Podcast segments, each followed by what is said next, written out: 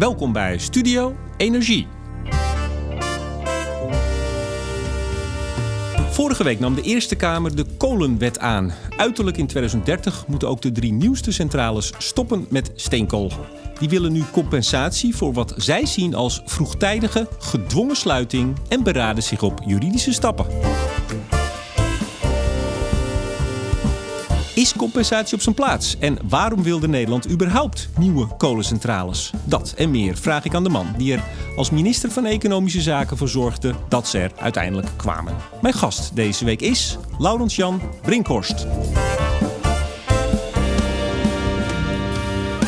En ook deze uitzending wordt weer mede mogelijk gemaakt door energie- en telecombedrijf Nutsgroep, Team Energie van Ploemadvocaten Notarissen en netbeheerder Steding. Meneer Brinkhorst, hartelijk welkom. Goedemiddag.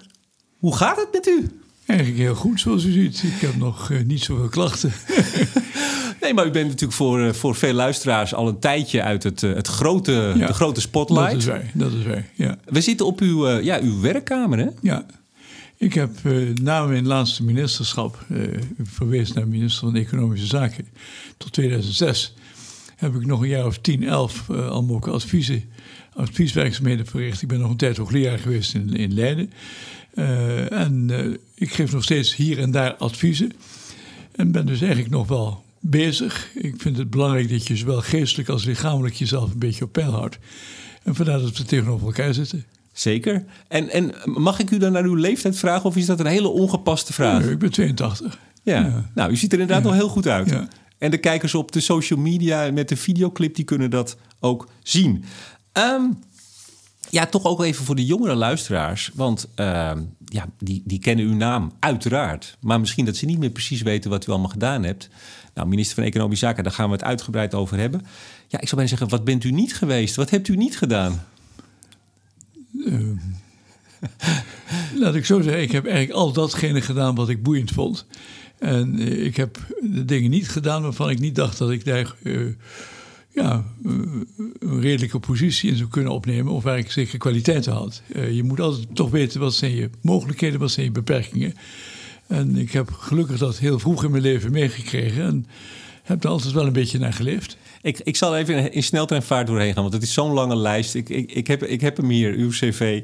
Um, uh, u bent jurist? Ik ben jurist. Ik ben in Leiden. Ben, ik heb rechten gestudeerd. Ik heb daarna een, een, periode in Amerika doorgebracht. Ik had een beurs op Columbia University. Daar heb ik alles over volkenrecht en met name ook uh, nationalisaties en zo meegemaakt. Heel even advocaat geweest nog in ik New York? Ik ben nog een jaar advocaat geweest en ben toen teruggekomen. Zoals uh, mijn hoogleraar Sam Kalden, die later burgemeester van Amsterdam was en minister van Justitie, zei: The world does not need another Wall Street lawyer. Uh, ik was bezig mijn uh, bar-examen te doen in Amerika. En ik ben Europeaan geworden en ben dat met veel hartstocht eigenlijk altijd gebleven. Ja, u ging naar het Europa-instituut uh, van de Universiteit Leiden. Ja, ja. U werd er ook directeur. Nou, en toen begon uw carrière. U werd staatssecretaris nog in kabinet Den Uyl, 73. Ja, ik ben eerst hoogleraar geworden in Groningen. Ja, dat dan nog voor. Ik heb daar zes jaar gezeten en ben toen naar het kabinet Den Uyl geweest, ja. Nou, en toen volgde een u... van de acht overgeblevenen trouwens. uh, u, u, bent in Europa, u bent, uh, u bent diplomaat geweest, u bent uh, bestuurder geweest, politicus, nog even partijleider ja. van D66 ja. uiteraard. Ik, ik, ik belde hier aan, dus er staat geen naam bij de bel, maar er staat wel een stickertje D66. Ja, zo is dat. Dat is wel mooi subtiel. Ik ben bij de oprichting lid geworden. Ik ben niet een oprichter in de zin van de oude 37. Maar ik was door Peter Beer, die een van de 37 was, gezegd... Als je niet wil dat het een partij wordt... en ik vond Peter dat dat een, een, een soort van uh, pressiegroep zou worden, een, een, een belangengroep... Uh, dan moet je om 11 uur naar Krasnopolski komen op 14 oktober 66. Ik was er om 11 uur. En dan kwam een grote man naar beneden de trap afzetten. Dat bleek later Hans van Mierlo te zijn. En die zei, kom bij de partij, we hebben hem net opgericht. En het bleek dat ze een uur eerder begonnen waren. en ik heb dus letterlijk voor de keuze gestaan, ga ik nu meteen weg? Of, zoals mensen die mij kennen dat wel zullen begrijpen... ik ben dus nieuwsgierig wat er gebeurt. Aan het eind van de dag uh, was ik de voorzitter van de commissie die zich ging bezighouden met de rechtstreeks gekozen premier en het districtenstelsel. Zo gaat het in het leven. Ja, en uh, u zei 37 oprichters, uh, daar zat u dan niet bij, maar er zijn geen 37 ereleden. Er zijn er maar een stuk of acht en u bent er wel één van. Ik ben erelid van de partij, ja. ja daar ben ik heel blij mee. Ja. En ja, dat zijn dus toch momenten waarvan je zegt: het is allemaal niet voor niets geweest. Dat kan ik me voorstellen. Uh, we gaan naar de actualiteit. Afgelopen week de kolenwet in de Eerste Kamer aangenomen. We gaan straks uitgebreid praten over die periode 2003-2006... waarin eigenlijk al het, het, grondwerk werd gelegd voor die nieuwe centrales. Uh, volgt u zoiets dan nog afgelopen week? Of, of leest u het wel in de krant? nou, ik heb nog niet het debat in de Eerste Kamer gezien. Ik heb wel wat stukken gezien over de voorbereiding.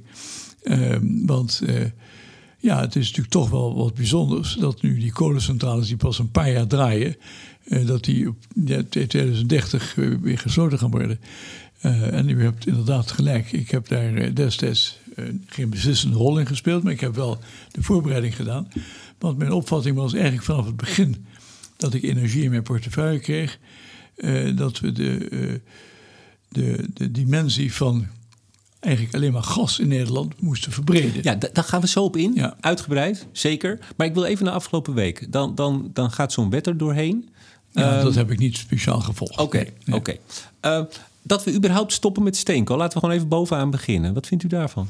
Nou ja, kijk, dat op termijn niet alle fossiele brandstoffen uh, zullen verdwijnen. En dat we proberen naar een CO2-neutrale samenleving te gaan. Juist vandaag heeft de Europese Raad in Brussel niet onbelangrijke beslissing genomen door te zeggen: Europa moet CO2-neutraal zijn in het jaar 2050. Dat is dus toch nog ja, 30 jaar van nu. Ik zal dat niet meemaken, maar dat is een belangrijke beslissing.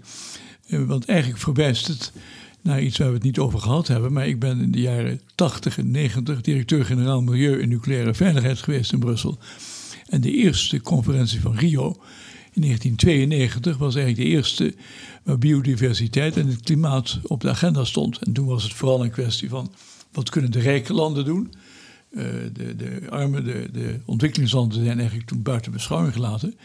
Maar daar is het allemaal mee begonnen. We hebben daarvoor de uh, uh, chlorofluorocarbon gehad, dat is de ozonlaag. we hadden biodiversiteit, we hadden het chemische uh, chemische afvalstoffenverdrag. De grote internationale verdragen dateren uit die tijd. En toen is ook eigenlijk in, brede kring, uh, in mijn partij, maar in vele andere partijen, eh, het beeld ontstaan. We moeten werkelijk naar een ander soort van samenleving die duurzaamheid bevat. Ik heb mevrouw uh, Gro Harlem Brundtland meegemaakt, de oud-premier van Noorwegen, uh mhm. -huh. die die term uh, sustainability gelanceerd heeft.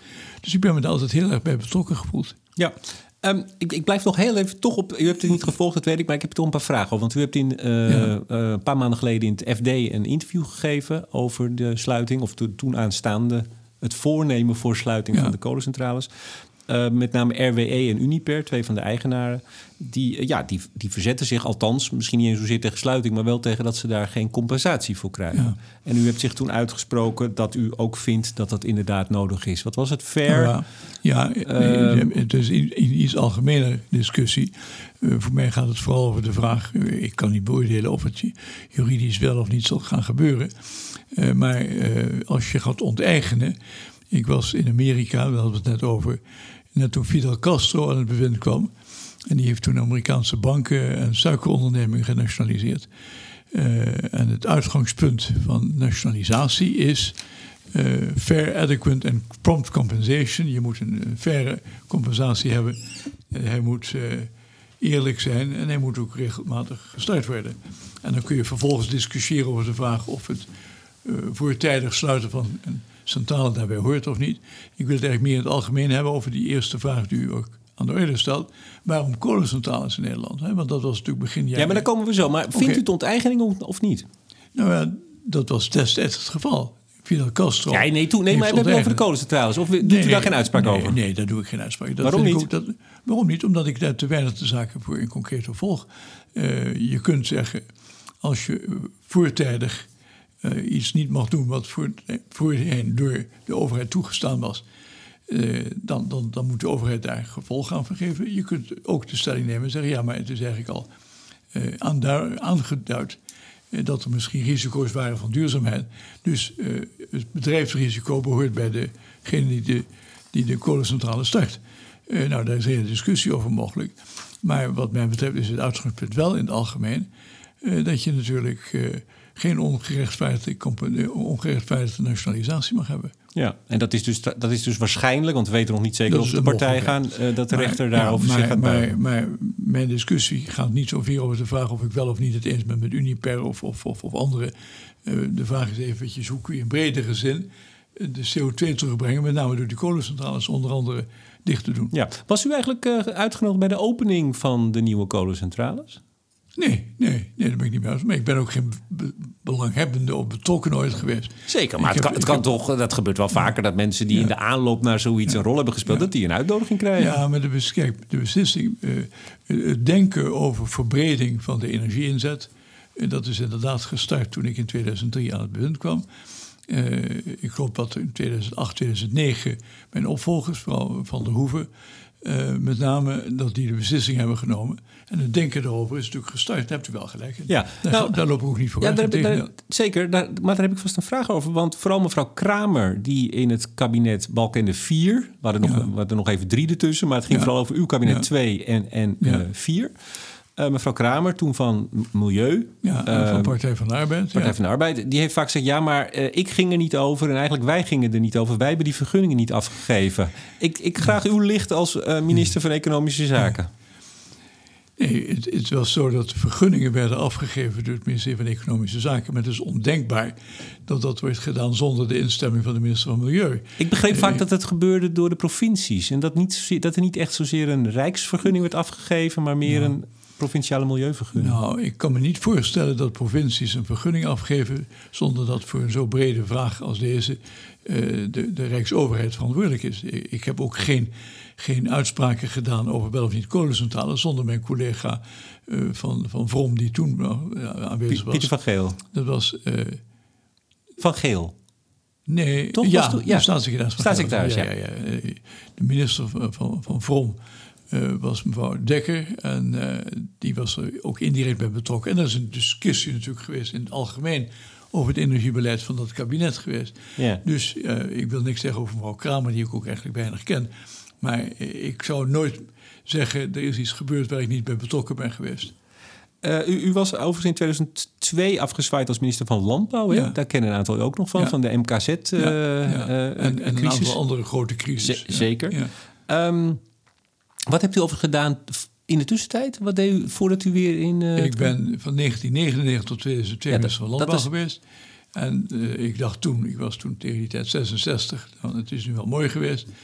En ik ben toen uh, teruggegaan naar de universiteit. Ik ben hoogleraar in Tilburg een tijdje geweest. Ah ja, dat was het. Ja. En ik ben adviseur geweest voor een advocatenkantoor. Ja. ja. 2003, minister van Economische Zaken. U, u kreeg dus ook energie in uw portefeuille. Ja. Dan, op, dan kom je letterlijk op een dag, uh, uh, word je verwelkomd door de, de, de, de, dan afscheidnemende minister van Economische Zaken. Ja. Dat was toen, volgens mij was dat uh, Hans Hogervorst. Die past ja, op de winkel. Die was omdat, opgepast, ja. Ja, want even voor de jongere luisteraars. Herman Heinsbroek was minister geweest. Die was afgetreden, want die had ruzie met Eduard Bomhoff. Ja, het, het kabinet Balkenende 1 ja. Was dat idiote kabinet met, het, met de LPF.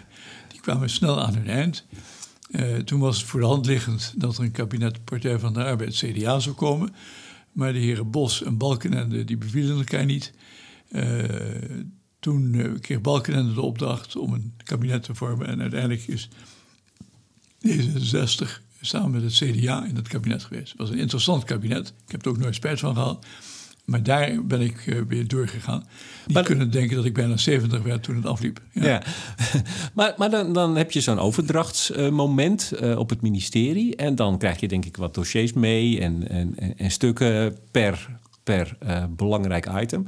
Energie, wat, wat is dan het eerste wat u wordt overgedragen... wat op dat moment dan de belangrijke issues zijn? Nou, in, in bredere zin gaat het, ging het over de vraag... Uh, moet de energiemarkt in Nederland uh, geliberaliseerd worden? Moeten we, dat is natuurlijk toch een hoogtepunt nog over de verwerking van de Europese energiemarkt. moet daar een Europese energiemarkt voor komen? Maar die was toen al in gang gezet, die liberalisering? Die was, ja, was ja? een beetje in gang gezet, maar we waren daar toch nog lang niet voor klaar. ik heb toen eerst een half jaar die liberalisering uitgesteld. Mijn partijgenoot Wim Dik, die was toen de directeur van, van ik denk de KPN. Nee, niet KPN. nee, dat was later, denk ik. Huh? Dat was later, denk ik. Ja, nee, maar van... Ehm, nou, even, nou, moet even kijken. De, Maakt niet uit. Maar in ieder geval, ehm, die was voorzitter van die commissie. Uh, en ik kwam tot de conclusie dat per 1 januari 2003, uh, eh, dat was dus 2004, die liberalisering moest plaatsvinden. En ik heb me dus allereerst daarmee bezig gehouden en kwam tot de conclusie dat de Nederlandse bedrijven er helemaal niet, niet klaar voor waren. Ja. Dat gold voor Nuon, dat gold voor, uh, voor Essent, voor Inico. Dus we hebben dat eerst uitgesteld. Uh, maar dat die liberalisering moest plaatsvinden, vond ik een goede zaak, want het is een Europese energiemarkt. En, ja. en geen nationale energiemarkt. Maar het moest ook van Brussel, toch? Het moest van Brussel in de zin. Uh, nee, het moest niet van Brussel. De lidstaten, dus ook Nederland, had ingestemd met liberalisering. Dat is iets anders dan als ik, zeg het moest van Brussel. Ik erg me altijd enorm aan uitspraken als het moest van Brussel. Brussel, dat zijn we zelf. Nou, zeker. De lidstaten hebben beslist. Nederland had beslist dat dat ging gebeuren. En ik kwam aan op een moment dat die voorbereiding in de gang was. Maar het bleek niet voldoende te zijn. En ik heb het daarom uitgesteld. Maar de hoofdbenadering van liberalisering, daar stelde ik natuurlijk me ook mee voor garant. Ja, ik, ik vond een aardig uh, citaat in een, uh, of een, een, een, een, zin in het verslag van het 220ste jaarcongres van de Nederlandse Maatschappij voor Nijverheid en Handel. Ja. Dit speelt in 2003. Uh, die waren bij elkaar geweest en daar stond in... opmerkelijk was dat alle vertegenwoordigers uit het bedrijfsleven... De, de, liberalisering van de energiemarkt toejuichen... ondanks de negatieve berichtgeving over stijgende prijs en stroomstoringen. Dit was 2003. Kunt u zich daar nog iets van herinneren, van die sfeer? Nou, uh, laat ik zo zeggen, in, in, Nederland... dat was trouwens één argument, het is goed dat we het daar even over hebben... Uh, in Nederland was de energieprijs structureel ik geloof iets van 6, 6 cent per kilowattuur hoger dan in Duitsland. En een van de eerste gesprekken die ik had met VNO-NCW, uh, toen nog door de heer Jacques Schraven geleid, voorganger van, ja. van, van de boer nu, daartussenin zat dat windjes, was dat de, de grote energieslurpers, dus de grote bedrijven... de hoogovens, et cetera. Hoogovens ja. enzovoort, dat die dus de hoge prijs hadden. En dat kwam doordat die markt nogal afgesloten was. Uh, en het paste in mijn benadering dat het belangrijk was dat die markten open zouden gaan. Uh, maar het spreekt vanzelf dat zittende bedrijven natuurlijk liever niet in een directe concurrentie komen. En dat was dus de discussie dus met RBE en met, met E.ON aan de andere kant in Duitsland. -huh. Um, dat van die stroomstoringen, kunt u zich dat nog herinneren? Dat had allemaal niets daarmee te maken, maar wat in Amerika een hele grote met uh, tientallen miljoenen mensen die zonder zaten, wat in Nederland een ja, paar gehad. Dat hebben we ook wel gehad, maar dat is meer een ja. Uh, dat wordt meer veroorzaakt door het gebrek aan goed, goed functioneren dan door het uitgangspunt dat de liberalisering als markt een belangrijk iets is. Ook nationale markten die zijn wel eens een keer uh, in problemen. Zeker, maar energie uh, of leveringszekerheid eigenlijk was toen ja. ineens een issue in die tijd. We hadden ook ja. nog die, die droge zomer in 2003, waardoor de koelwatercapaciteit problemen ja, waren. Dat, dat zal, maar dat zijn toch meer incidentele punten. Zeker. Leveringszekerheid is naast prijs uh, en naast diversificatie natuurlijk een belangrijk uitgangspunt. En je moet nooit gaan liberaliseren als je niet zeker van bent dat ook de energie uit het buitenland hier goed aankomt. Uh, voordat u aantrad, dat was uh, eind 2002, toen was er al uh, E.ON die kondigde toen aan dat ze een nieuwe grote kolencentrale in Nederland wilde bouwen. Was dat ook ja. iets wat toen u aantrad als minister, wat al u werd meegegeven van nou er zijn ja. plannen? Nee, ik herinner me dat niet, niet dit speciale voorbeeld. Wat ik, wat ik wel eigenlijk altijd vond, uh, dat Nederland had aan de ene kant kernenergie uitgebannen. Dat was al in de tijd dat ik in het kabinet ten Uil zat, dus dat was 30 jaar daarvoor. Uh, had zich heel erg op gas en een klein beetje op olie geconcentreerd. Maar had een grote achterstand, nog steeds trouwens, op het punt van windenergie en zonne-energie. En had de kolen helemaal uitgebannen. En ja, er was in die tijd ook een discussie. Nou, we hadden wel kolencentrales toch toen? Wat een, wat een ja, maar goed, maar, maar, maar, maar de gedachte dat je dat ook zou gebruiken voor een, een moderne kolencentrale was er niet zo sterk aanwezig. Dus uh, voor mij was het aspect diversificatie belangrijk. Dat ik dus niet in, in, in beginsel tegen was Er zijn natuurlijk twee elementen om te zorgen dat dan die CO2-uitstoot wordt opgevangen. Dat was de gedachte dat het onder de grond zou worden opgeborgen. Uh, er was een discussie die, die vooral in Duitsland speelde. Uh, en de gedachte was, ja, als je die CO2 kunt opbergen, dan is dat een belangrijk punt. Uh, in Nederland is later, maar we praten over, ik denk, een jaar drie, vier later, in Barendrecht de discussie geweest. En daar was het plotseling onmogelijk. Het heeft zich ook, geloof ik, maar ik ben daarna niet erg veel met die materie bezig geweest, heeft zich nooit heel erg ontwikkeld. Het andere aspect was de, de, het emissietrading het, het emissiesysteem ja, wacht even. u gaat er wat snel doorheen. Daar, okay. daar komen we zo op. we hebben de tijd. Dus dat is mooi van een podcast, hè? U bent gewend natuurlijk nog de oude, interview, de oude interviews. We, we, hebben de tijd. Nee, toch even. U zegt die, die afhankelijkheid van aardgas. Uh, daar begon u mee. We hadden een aantal uh, uh, kolencentrales toen staan. nog twee uit de jaren 70, geloof ik, drie uit de jaren 80. Maar die zouden worden uitgefaseerd, geloof ik al. Precies, ja. ja. Um, de vraag, wat doe je daarmee? Moet je die ook weer door een gascentrale vervangen? Of wellicht ook kolen als de CO2-gevolgen kunnen worden opgevangen. Ja, en kernenergie, daar heeft u nog voor gezorgd dat Borselen wat langer open bleef, hè? Ja, ja dat is een ander punt. Uh, ook daar vond ik het idioot dat ze dus zeiden 2015 geloof ik zou dichtgaan. Uh, en ik heb toen een, een deal gesloten met, uh, met Delta. dat ze in ruil voor 15 jaar langer open, dus ik geloof 30 of 31, dat ze, ik, cijfers staan me niet meer precies voor, maar ik dacht iets van een half miljard uh, zouden geven aan de verduurzaming, dus ook voor alternatieve energiebronnen. Uh, nou, ze zijn nog steeds open en ik geloof dat iedereen heel happy is dat die kerncentrale nog bestaat. Maar ik heb nooit een ideologisch bezwaar gehad tegen kerncentrales. Ik heb überhaupt weinig zo van die principiële punten. Destijds Diederik Samson, voordat hij in de politiek ging, had ook van die hele uitgesproken opvattingen. En ik denk dat hij later toch moet gaan zeggen: ja, eh, je kunt er wat genuanceerder over denken. Dus ik vond kernenergie uitbreiden niet gewenst. Vooral ook omdat het, de structuur in Nederland zich daar niet meer voor leende. Maar om een bestaande kerncentrale nog een tijd open te laten als dat onder goede omstandigheden plaatsvond. Plus een bijdrage zou geven voor alternatieve energie. Vond ik een van die elementen van verbreding. Eigenlijk stond het dus naast het onderwerp kolencentrales. Ja, maar, maar, dat er misschien wel toch een nieuwe kerncentrale zou komen in Nederland, dat, dat sluimerde altijd wel een beetje zo nou, door de bankjes van de Kamer en elders. Ja, maar, ja, maar, ik, nee, maar ik heb daar zelf nooit initiatieven voor gedaan om dat tot stand te brengen. Ja.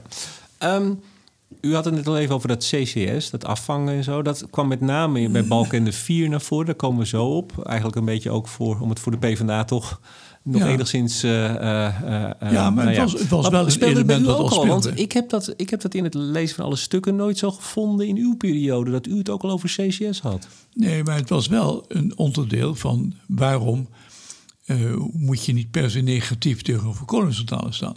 er was een, eigenlijk een vrij kleine minderheid die, net zoals ze tegen die kerncentrales waren, ook tegen kolencentrales waren. Maar dat is ja, toch wel het dogmatische denken wat een aantal partijen in Nederland beweegt. Ja.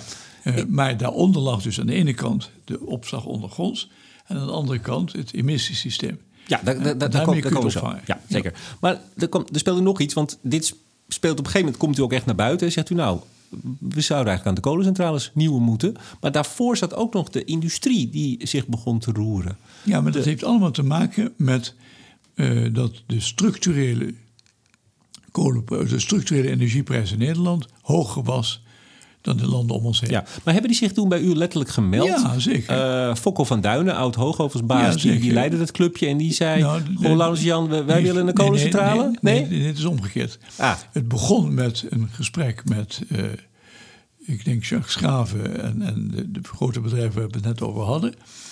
En ik zei, nou, ik ben graag bereid met jullie te onderzoeken op welke manier we zorgen kunnen dat het distributienet naar Nederland en Duitsland en, en andere landen geopend kan worden. Want dat was het andere aspect. Die nationale energiemarkten die verhinderen dus eigenlijk dat er concurrentie zou kunnen komen van energie uit het buitenland. En eh, wat wel eens vergeten wordt, maar de liberalisering was allereerst voor mij een poging. Dat is ook gelukt, ondanks verzet van de industrie vaak. Uh, om te zorgen dat de netwerken grensoverschrijdend een betere structuur zouden geven. En als je dan bovendien meer concurrentie hebt langs verschillende wegen, kolen, gas, kernenergie, dan kunnen er veel meer gezamenlijke prijzen ontstaan. En dan zou dus de Nederlandse industrie kunnen concurreren. In een latere fase is Fokko van Dijnen toen door mij gevraagd uh, om, dat hebben we geloof ik in samenhang gedaan met, met, met, met VNO, om dat nader te onderzoeken. Maar het begon eerst bij die algemene gedachten. Oké. Nou, dan um, op een gegeven moment zegt u ja, we moeten maar eens over kolencentrales gaan denken. Sterker nog, die, ja, dat, uh, dat, dat zou. Ja. Hoe, hoe werd daar um, uh, in de Kamer op gereageerd? Of hoe, hoe nou, viel dat? Laat ik het wat breder zeggen. Nou, mijn herinnering, ik heb niet al die stukken meer precies in mijn hoofd. Het is nu 15 jaar geleden. Niet negatief. maar nogmaals, tegen de achtergrond, niet zozeer we gaan naar kolen alleen. In de achtergrond van de wens tot diversificatie naast liberalisering. Dat waren de twee hoofdelementen van mijn beleid. En natuurlijk ook de, de, de, de duurzaamheid. Het was merkwaardig dat we bijvoorbeeld eh, energie uit Noorwegen importeerden, die we subsidieerden. Uh, terwijl dat, die Noorse energie gewoon tegen kostprijs uh, zou kunnen functioneren. Dus er zaten merkwaardigheden in ons energiebeleid. En ik heb geprobeerd die eruit te halen door een wat helderder Europees aan de ene kant, netwerken over de grenzen aan de andere kant en verbreding van de energieproductie als derde factor mee te nemen. Ja, nou, dan moet ik zeggen, ik heb wel eens uh, uw uh, partijgenoot Stientje van Veldhoven, op dit moment minister, ja. horen zeggen, nou, over u en het kabinet toen, ja, nee, er was wel inderdaad de vraag naar capaciteit, maar niet zozeer specifiek kolencentrales. Nee, maar, klopt. Nou, maar ik, ik, vond toch wel, uw, uw hoogste ambtenaar toen, Gertjan Langhorst, die ging de boer op met het pleidooi, we hebben kolencentrales ja, nodig. Zeker. Dat is, nee, maar was het nou... Was nou op... strijd. Die, nee? twee dingen zijn niet met elkaar in strijd. Diversificatie betekent dat je alternatieven bekijkt. Ik ben bijvoorbeeld ook naar Algerije geweest, naar Libië geweest, de eerste minister naar Libië geweest, om te zorgen dat, dat ook LNG-gas naar Nederland zou kunnen komen, afgezien van het gas dat we zelf produceerden. En dat was in de tijd dat er geen LNG centrale, of geen, geen LNG-fabriek stond. Uh, die was alleen maar in, Bel in, België. Dus u moet het eigenlijk, die, die kolendiscussie moet u eigenlijk in een breder verband zien. Ja. Naast gas, kernenergie zeer beperkt, ja. weinig duurzaamheid. Uh, kolencentrales. Ja, maar ik wil even scherp hebben, want ik ja. heb hier nog een, een, een kop van uh, Energia, toen al de, de Energienieuwsdienst 2004. Brinkhorst pleit voor bouw nieuwe kolencentrales. Ja, ja maar die kop ja, zal wel. Ik, ik, ik, ik ben er niet tegen, maar het is niet als enige alsof ik alleen maar een fanatieke voorstander van kolencentrales was. Dat is helder. Ik denk dat de luisteraar dat, uh, dat ja. meekrijgt. De SP die was, uh, die was niet zo blij, die was zelfs kwaad. Kunt u zich dan nog herinneren? Kamervragen? U werd, ja, uh... maar de SP maakt zich altijd kwaad over dingen die een beetje onzinnig zijn. Dus eerlijk gezegd is dat was voor mij niet overtuigend. Maar de, de, de, de meeste andere partijen, ik geloof met uitzondering van GroenLinks, maar ik denk dat CDA VVD en Partij van de Arbeid wilden dat graag nader onderzoeken. En de uitspraak van mevrouw Kramer, waar u net naar verwijst, eh, geeft dat eigenlijk ook aan. Ja, u had een ruime meerderheid, dat wilt u, ja, eigenlijk, dat wilt u eigenlijk zeggen. U zei het al twee keer eigenlijk, die, uh, die uh, EU-ETS. Dat zou er in 2005 aankomen. We zitten nu eigenlijk nog even in 2004 ongeveer ja. dat dit allemaal speelt. 2005 zou dat ingevoerd worden. In, in welke mate speelde dat uh, mee bij deze... Nou, het was, zoals ik zei, het was een onderdeel van hoe kun je de negatieve effecten van de CO2 uh, zoveel mogelijk uh, uh, zien te voorkomen of terugdringen. Ja, dat is CCS, maar dat handelen van die. Ja, maar als je de ETS hoger maakt of, of zij zwaarder laat drukken, dan is de afweging of je uiteindelijk dan wel of niet die kolencentrales zult maken, afhankelijk van die ETS. en en ja, daarvan kun je zeggen is, is het een betrekkelijke mislukking geweest. Het, is, uh, het bedrag van ETS was eigenlijk nooit voldoende. Er kwamen veel te veel rechten. Uh, en, de, en de afbouw, die nu pas serieus aan de gang is, uh-huh. was toen nog niet zo erg aan de orde.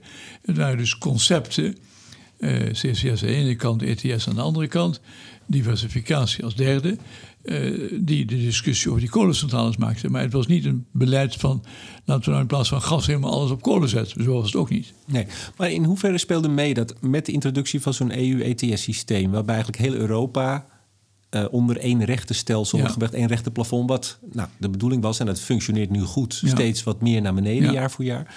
Speelde het mee dat het dan in dat geval ook niet zo heel veel uitmaakt of je zou in Nederland bouwt of dat E.ON zegt ik zet hem in Duitsland of ik zet hem nou, in België? Eerlijk gezegd is dat natuurlijk ook wel altijd een element in mijn beleid geweest. Ik ben persoonlijk helemaal niet ongelukkig dat, dat uh, driekwart van de energievoorziening nu bij bedrijven is die in het buitenland functioneren. Omdat ik ervan uitga dat de Europese Unie eigenlijk een soort van groter land, Nederland geworden is. Nou, een aantal Nederlanders vinden dat nog steeds, die reageren daar krampachtig op. Maar dat is een achterhaalde zaak. Maar dat heeft natuurlijk altijd bij mijn achtergrond een rol gespeeld. Eh, dat als je de leveringszekerheid kunt garanderen, het niet zo is dat ooit een Duits, ik denk dat de SP daar dan wel zo over dacht, dat, dat de, de, de Duitse regering plotseling de kraan dichtdraait om energie aan Nederland niet te geven. Of, of dat de Fransen dat zouden doen. Uh, en en uh, dan zeggen uh, 10% sowieso van onze energie kwam uit het buitenland. Ik, ik denk even aan een ja, Wij importeerden toen vrij veel hè, in die periode. Ja, ik geloof dat de hele stad Amsterdam dat die met kernenergie uit Frankrijk werd gesubsidieerd. Dus eerlijk gezegd, dat zijn allemaal elementen Waardoor ik dus op een, dat, dat zijn allemaal elementen waardoor ik dus op een hele pragmatische manier dat probleem heb willen bezien. Ja, en, ik was nooit verbonden geweest met welke belangenbehartigingsorganisatie ooit. Ja, ja want speelde er ook mee dat bedoel, wij importeerden, of veel kolen kwamen aan in Rotterdam. En als, als E.ON hem in Duitsland zou bouwen, ja, dan zouden die, die kolen uh, naar, uh, van Rotterdam naar Duitsland gaan, daar in een nieuwe kolencentrale en wij zouden de stroom importeren. Ja, ja. Speelde dat ook een rol? Ja, meer marginaal. Ik ging er wel vanuit dat in Nederland uh, we een wat bredere energievoorziening moesten hebben. En dat dus het plaatsen van een kolencentrale in Nederland ter vervanging van andere of, of als aanvulling geen gekke zaak was. En nogmaals, we hadden wel die energie nodig. En als die geliberaliseerd was in een markt waarin de netwerken grensoverschrijdend waren, ik denk aan Tenet, dat nu geloof ik bijna de helft van het Duitse netwerk beheert, dan is dat geen gekke zaak. En als je dan beter hier kunt doen, omdat ze hier schoner zijn dan ergens anders, why not? Ik, uh, ik heb vaak in de, in de wandelgangen gehoord dat, er een, uh, dat u op een gegeven moment de bazen van de grote energie, met name de Duitse energiebedrijven, ja. hebt, ik zeg het eerbiedig, ontboden.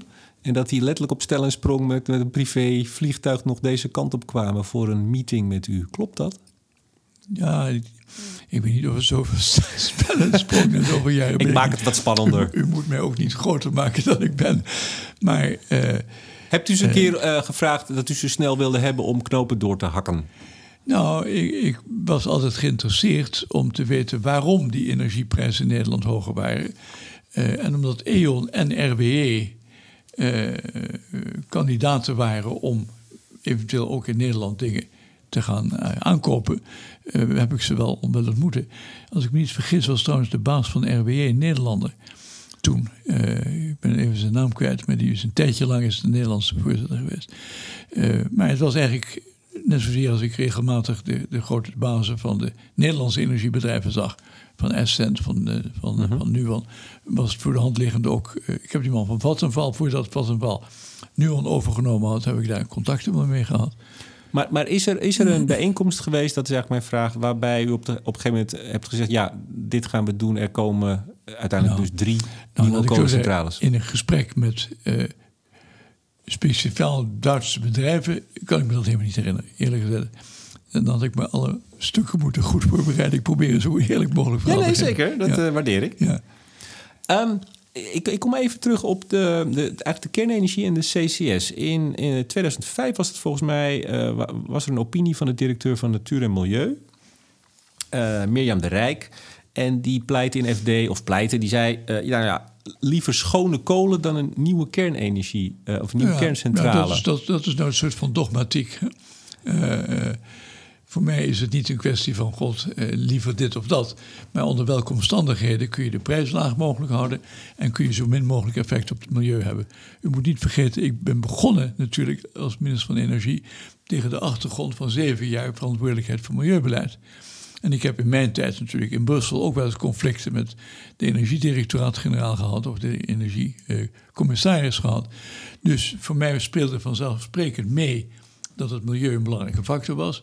Maar nooit in termen van liever een schone kolencentrale dan dan in de kerncentrales. Dat, dat vind ik een soort van dogmatiek waar ik me altijd tegen verzet heb. En eigenlijk, ondanks mijn vergevorderde leeftijd, nog steeds tegen verzet. Nou, wat, Hoe wat eigenlijk die mevrouw de Rijk ook was, geloof ik. Nee, maar wat ik eigenlijk ook voor de, voor de, de luisteraars die dit uh, toen niet hebben meegekregen probeer te schetsen, is dat er dus een, uh, een afweging was of een angst voor een nieuwe kerncentrale. En dat ja. dus die schone kolen, dus nieuwe kolencentrales met CCS, die dan eraan gekoppeld zou nou, zijn. Dat, dat dus te verkiezen was boven kernenergie. Ja, dat, dat zal zeker bij sommige mensen een rol hebben gespeeld. Vandaar dat ik u zei, ik had een brede meerderheid om kolencentrales althans te onderzoeken en onder welke omstandigheden dat dan zou gebeuren, zo later zijn met vergunningen. Maar niet eh, omdat we dan de kerncentrales boven, buiten de deur hielden. De, de, kerncentrales buiten de deur houden was meer omdat er geen belangstelling was. Uh, gezien de, de, negatieve gevoelens die in Nederland bestonden. U moet niet vergeten dat zelfs eh, over de grens in Duitsland. Ik ben even de naam daarvan kwijt. Mm -hmm. een, een, een, energiestructuur was op kernenergie en daar hebben we geweldig tegen geprotesteerd. Dat was niet in Nederland. Dus zelfs, zelfs dat soort van gevoel hadden we in Nederland. Uh, dat was eigenlijk vanaf de jaren zeventig gestimuleerd. Ook al omdat, nu daal ik even af naar een zijpunt. Kernwapens werden gezien als een verlengstuk van kernenergie. U herinnert de grote debat in de jaren tachtig. Daar ben ik natuurlijk wel door beïnvloed dat ik niet speciaal wilde inzetten op kernenergie.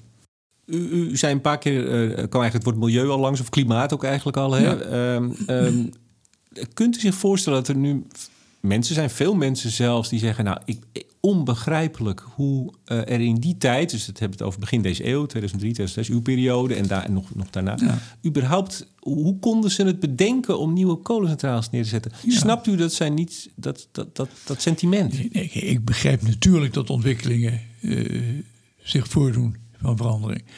Maar, maar eerlijk gezegd, uh, ja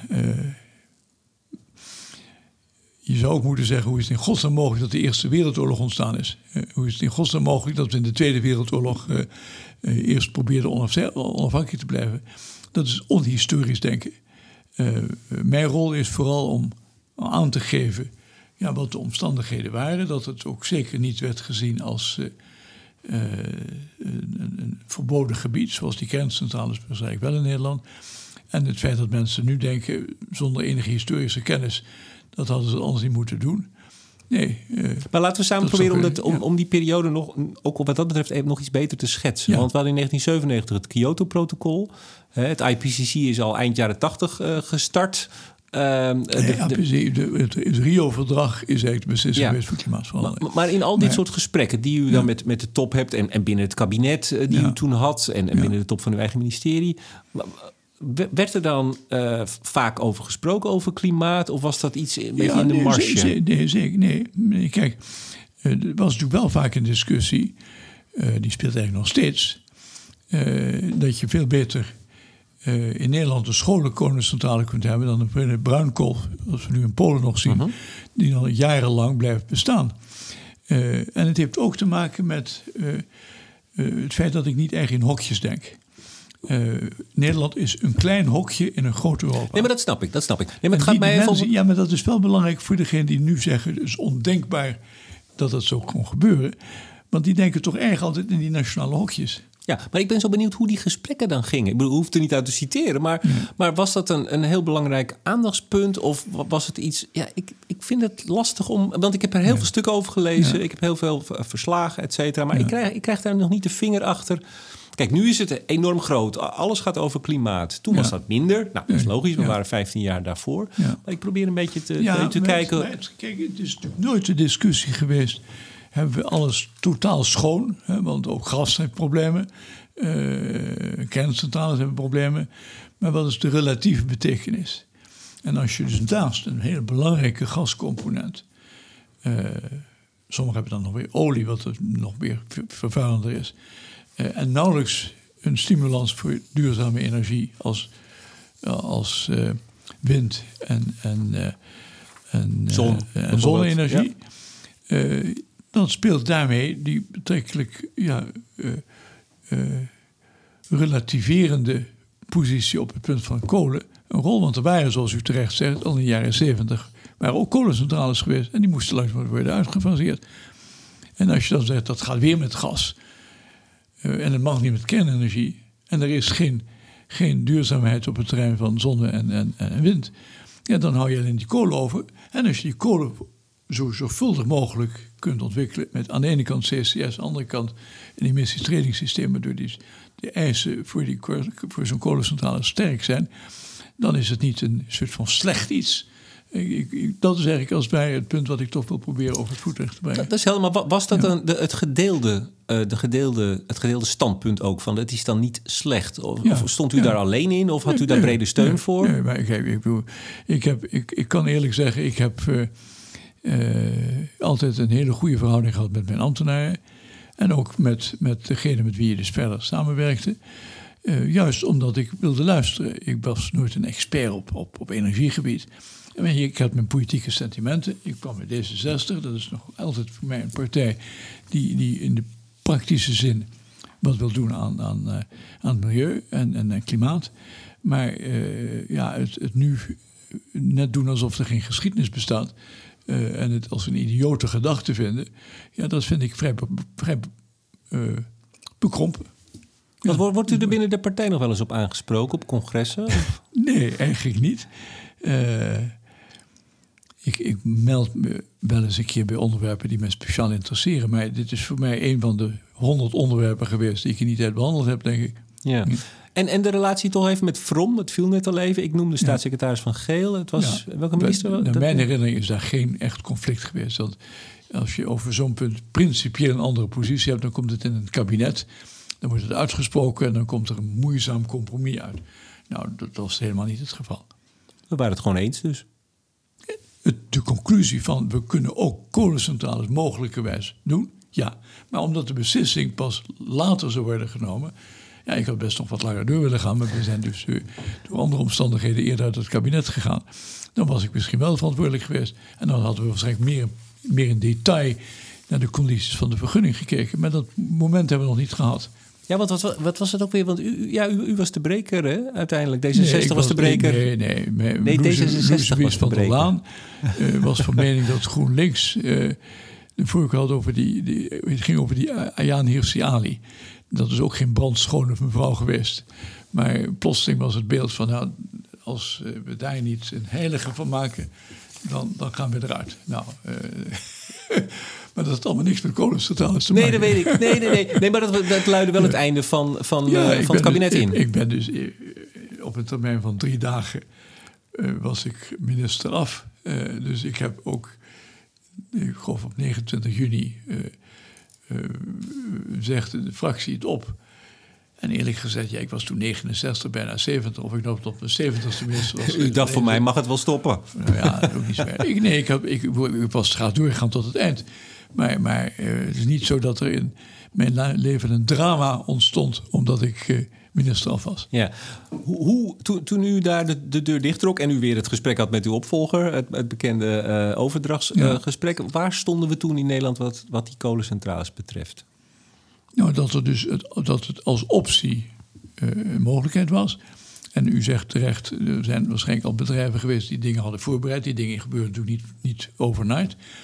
Maar er was geen enkele beslissing. Uh, en dat kwam mij het volgende kabinet terecht. Toen kwam er eerst nog een tussenkabinetje. Dat, uh, Balken de drie. Balken ja. de drie. Uh, dat is, ik denk een klein jaar later pas is Balken en de vier aangetreden. En toen was die mevrouw Kramer minister van. En die heeft zich daar niet tegen verzet. Zo simpel is het. Nee, en, en, Maria van der Hoeven was minister van Economische Zaken. Van der Hoeven is mijn opvolger. Ja, die was in mijn tijd minister van Onderwijs.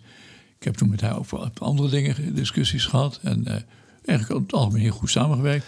En die werd vrij onverwacht, eerlijk gezegd, minister van Economische Zaken in Balken en de Vier. Ja, ik, ik, uh, ik ga u natuurlijk niet vragen om, om, om dingen waar u niks van weet. En nou, daar gaat u ook niks op zeggen ja, natuurlijk. Ja. Maar in hoeverre hebt u nog zicht gehouden op die eerste periode na uw afscheid... hoe het verder ging in uh, Balken en de Vier? Wat nou, de eigenlijk, eigenlijk vooral op één terrein. Daar, dat heb ik nog wel redelijk gevolgd. Uh, er was een enorme krampachtige houding bij de energiebedrijven... tegen de liberalisering dan met andere woorden de splitsing van, van uh, distributie, productie aan de ene kant en het netwerk aan de andere kant.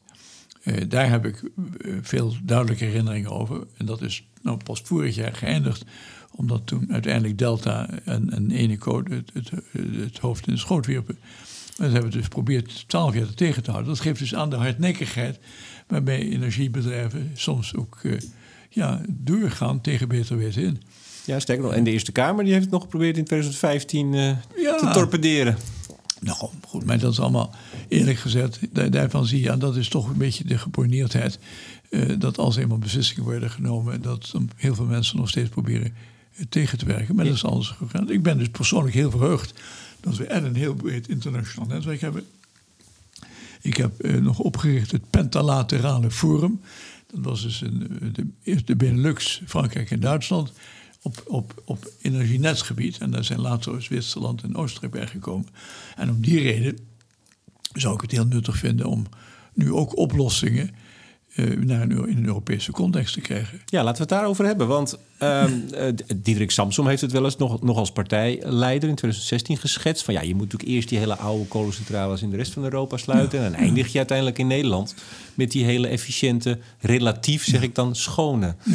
Um, maar ja, dat. Uh, ik, kijk, laat ik zo zeggen. Ik, ik zou veel liever willen dat we niet de discussie nu gaan krijgen van hoeveel geld moet er betaald worden of niet betaald worden. Maar kunnen we uh, het vraagstuk. Ik bedoel geld voor die kolencentrale jongens. Ja. Kunnen, we, kunnen we het vraagstuk niet inderdaad op een Europese uh, manier oplossen, uh, gekoppeld aan de klimaatdimensie. En juist vandaag, we hebben het net over gehad, heeft de Europese Commissie eh, de, raad van, de Europese Raad zover gekregen dat men zegt CO2-neutraal in het jaar 2050. Eén uitzondering, dat zijn de Polen. Maar het is toch wel weer gek, eh, meneer Brinkhorst. Want ik, ik, ik hoorde dat zo. Ja, we hebben akkoord, maar de Polen dan niet. En misschien later. Dat is toch weer zo'n. is dat dan niet zo, zo typisch Europees? Nou ja, wat u wilt, maar in ieder geval. Ja, natuurlijk is, Europees, is Europa ook intergouvernementeel. Maar het is toch wel heel interessant dat zelfs Hongarije en Tsjechië, die aanvankelijk ook tegen waren, die reserve niet gemaakt hebben. Uh, en het is een onderhandelingspositie vanuit de Polen, omdat ze uiteindelijk weer meer geld willen krijgen natuurlijk. Overigens, ik geloof dat die drie, de drie verzetslanden uh, mede overstag zijn gaan dat kernenergie nu toch telt. Ja, maar goed, dat vind ik geen probleem. Nee, maar dat leek er eerst niet zo van te komen. en dat... Nee, dat is ook zo. Maar goed, mij, dat geeft aan dat gelukkig uiteindelijk in Europa dus soms ook wel eens een keer het, het denkvermogen overheerst. het gezonde verstand zou ik bijna zeggen. Denk het gezonde verstand. Ja. Nee, maar in, de kern is het natuurlijk dit. Dat heb ik dan wel gezien in die debatten in de Kamer.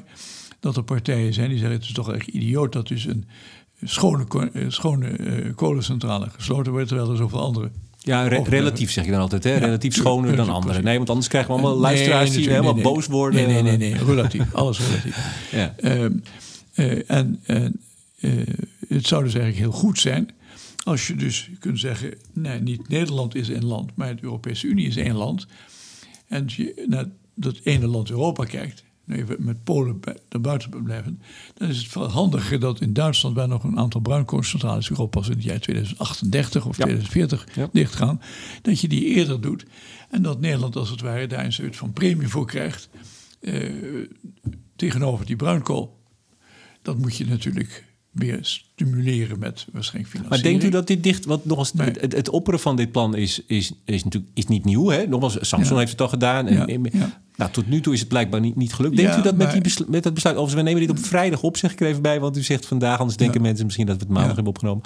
Um, uh, denkt u dat met deze gedeelde ambitie, dat klimaatneutraal 250 en ook het enorme geld wat daarvoor vrijgemaakt moet gaan worden, dat dit weer kans van slagen nou, gaat in hebben? In ieder geval vind ik moet het worden onderzocht. Uh, uh, en je moet natuurlijk het dan ook institutioneel aanpakken. Wat betekent dat? nou, je moet dus praten aan de ene kant met de Duitse regering. En de Nederlandse regering moet dat willen. Tot nu toe heb ik begrepen dat dat een beetje vrijblijvend is. Maar je moet het inbedden in het klimaatakkoord, wat in Europees verband nu net besloten is. Waar iedereen het over eens is dat geld ook toe moet om te zorgen dat bepaalde vervuilende activiteiten eerder ophouden dan ze anders zouden zijn. Ja, maar het, het is nog een, voornemen. Ik wil niet meteen weer heel uh, negatief gaan doen, maar het is een, het is een voornemen. Natuurlijk, Duitsland en Nederland hebben hele goede banden op dit moment. Ja, maar, is lyrisch over zijn uh, contacten met Altmaier. Ja, maar ik zou zeggen... Uh, Kijk, ik heb natuurlijk altijd heel veel ervaring gehad. Intergouvernementele samenwerking die leidt altijd tot complicaties. denk naar de Betuwe-lijn. We hadden nooit aan de Betuwe-lijn moeten beginnen als we niet wisten dat we dus ook in Duitsland nog een stuk moesten doen. En we zijn nu twintig jaar verder en nog steeds zijn de Duitsers niet met die Betuwe-lijn verder. Dus als je niet daar werkelijk een, een, een, een harde lijn voor kiest. En, en ik denk dat de commissie hier een belangrijke rol in zou kunnen spelen. Met name die Diederik Samson in zijn nieuwe rol als, als, als kabinetchef van, van, uh, Timmermans? Van, Timmermans. Ik zou er met hen over gaan spreken en zeggen van, zijn er mogelijkheden? Ik kan het niet in detail bekijken onder welke omstandigheden geld bestaat of niet. Er zijn nu nog twaalf jaar voor die moment van die besluiting. Dus we zitten ook niet op stelling, sprong daarmee te zitten. En uh, als je dus, vind ik, een proces kunt vermijden, is het altijd beter dan niet. En vandaar dat ik me ook niet met die proces wil bezighouden, want ik ken daar te weinig voor. Maar ik zou zeggen, het zou de moeite waard zijn om een paar mensen gewoon concreet aan het werk te zetten en zeggen: uh, wat zou er gebeuren als je, ik zeg maar wat, uh, vijf uh, bruinkoolcentrales in Duitsland, we praten even niet over die Polen, zou sluiten? Dat zou een prachtig voorbeeld zijn hoe je Europees gezien de zaak schoon kunt maken. En uiteindelijk is die CO2 geen Nederlands probleem, het is een Europees en een wereldprobleem dat je een breder kader gebruikt. Je moet er niet met de Amerikanen over gaan praten natuurlijk. Uh, want die willen helemaal dat soort dingen niet. Maar met de landen die in onze omgeving zitten. En die leveringszekerheid betekent dat het importeren en exporteren van energie hetzelfde is als de energie die uit Friesland naar, naar, naar, naar, naar Overijssel gaat of, of vanuit Noord-Holland naar Zuid-Holland. Maar, maar dan zou je ook kunnen zeggen, waarom uh, hebben we tot nu toe dat dan helemaal niet gedaan? Want we zijn allemaal heel om, uh, nationaal om, bezig ja, met al onze plannetjes. Maar, maar, dat is mijn grote ergernis over het Nederlands beleid. Uh, ik zeg dat ook terwijl mijn partij erin zit. Nederland doet uiteindelijk, zegt uiteindelijk nooit nee als een Europese oplossing komt. Maar we zijn weinig inventief in het zelf stimuleren daarvan. Uh, en het debat heb ik begrepen, hoewel het is opgebracht door, door, door Fred uh, Kronen, ja. uh, dat er eigenlijk weinig uh, mee gebeurd is. Want we denken pure nationale termen. Maar wij niet alleen. Tuurlijk, ook de andere landen doen het nee, ook. Het, het, maar waarom komt u, bent, u, u, ja. was al Europeaan voordat Europa bestond, zou ik bijna zeggen. Dus u, u, nou, u, nee, nee, niet omdat... Nee, maar u kent Europa het, in de haarvaten. Ja, waarom gebeurt niet, dit? Niet, kijk, ik ben niet ideologisch Europeaan. Uh, ik vind dat het feit dat we lidstaten houden en dat we nooit de Verenigde Staten van Europa worden, zoals Amerika, prima, is helemaal geen punt. Maar er zijn een aantal essentiële onderwerpen die je eigenlijk niet meer nationaal kunt aanpakken. Defensie is er één, klimaat is een ander. Uh, maar gevolgen daarvan, dat zijn dus de uitwaaiende elementen als transport, als energie, luchtvaart. Allemaal onderwerpen waar je nu plotseling anders over moet denken. Uh, een, een, nationale vliegbelasting. Ja, dat is een, een, een druppel op een gloeiende plaat. Uh, nou, er wordt nu eigenlijk een beetje gedacht dat we de luchtvaart ook wat mee moeten nemen. Maar dat zou zich voor deze kolencentrales ligt het erg voor de hand liggen dat je het Europees beziet. Maar dan moet je dus de, de hele energie, het hele dan, energievraagstuk. Dan, dan, dan, moet je dus het in het verband met het energievraagstuk doen. Maar je zou heel goed kunnen beginnen met één concreet geval waar het lukt.